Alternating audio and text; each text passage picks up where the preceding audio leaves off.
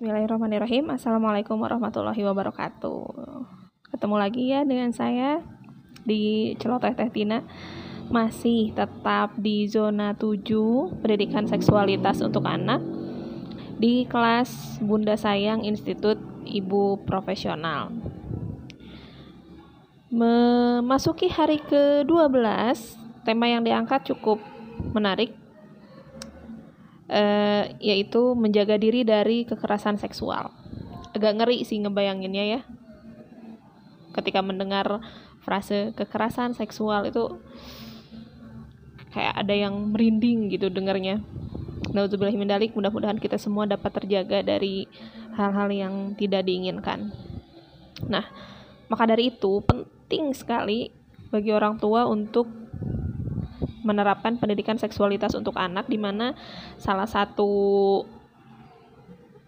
e, manfaat dari menerapkan pendidikan seksualitas adalah supaya anak dapat menjaga dirinya dari bentuk kekerasan seksual.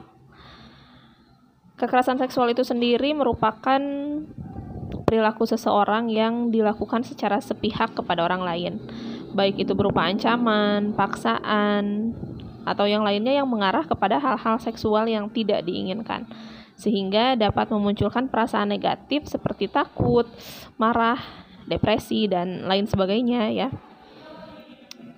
Pelaku kekerasan seksual sendiri tidak mengenal status dan usia, bisa orang asing atau bahkan orang terdekat. Juga tidak mengenal tempat. Korbannya yang didominasi perempuan dan anak-anak. Menurut penelitian, setidaknya ada 46.698 kasus kekerasan seksual yang terjadi terhadap perempuan, baik dalam ranah personal maupun publik. Itu terjadi sepanjang 2011 hingga 2019 di Indonesia. Sebenarnya ada beberapa faktor penyebab kekerasan seksual, yaitu faktor internal dan eksternal.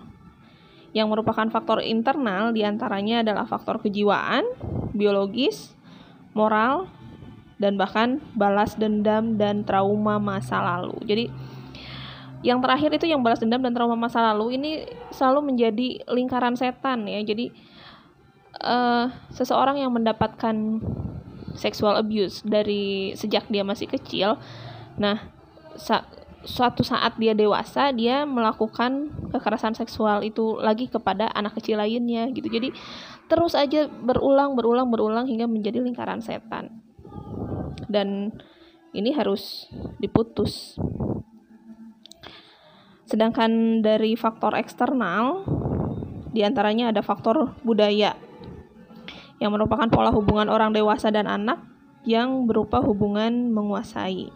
Faktor ekonomi, faktor minimnya kesadaran kolektif terhadap perlindungan anak di lingkungan pendidikan, Faktor paparan pornografi anak dan pornografi dewasa yang mengorbankan anak. Faktor lemahnya penegakan hukum dan ancaman hukuman yang relatif ringan terhadap pelaku kekerasan seksual. Faktor disharmoni antar produk perundang-undangan terkait masalah anak, faktor anak dalam situasi bencana dan gawat darurat, dan juga faktor perkembangan industri industri pariwisata. Dampak kejahatan seksual ini salah satunya adalah menimbulkan traumatis bagi anak maupun orang dewasa yang ditandai dengan adanya powerlessness di mana korban merasa tidak berdaya dan tersiksa ketika mengungkapkan peristiwa pelecehan seksual tersebut. Atau bahkan ada yang bukan ada ya banyak yang mengalami kekerasan seksual tapi dia nggak bisa speak up dia nggak bisa eh, nggak uh, bisa bicara nggak bisa jujur sama orang bahwa dia telah mengalami kekerasan seksual baik itu karena malu ataupun takut. Nah, peran kita sebagai orang tua itu harus mengajarkan pada anak bagaimana cara menjaga diri dengan memberikan pendidikan seksualitas pada anak sesuai tahapan usianya. Dan secara terus-menerus diajarkan dengan harapan dapat mencegah kekerasan seksual kita harus bisa menjaga supaya anak kita tidak menjadi baik itu pelaku maupun korban dari kekerasan seksual. Naudzubillahi min dalik. Sekali lagi semuanya kembali kepada peran orang tua ya. Jadi di sini jadi orang tua itu ternyata nggak mudah bisa menjadi orang tua yang bukan hanya sekedar tua tapi juga mampu memberikan uh, memaksimalkan peran sebagai orang tua. Sedih ya rasanya. Uh, saya agak bergetar ini jujur.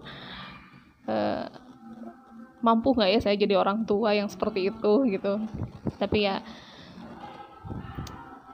balik lagi terus belajar berharap dan juga nggak lepas dari doa.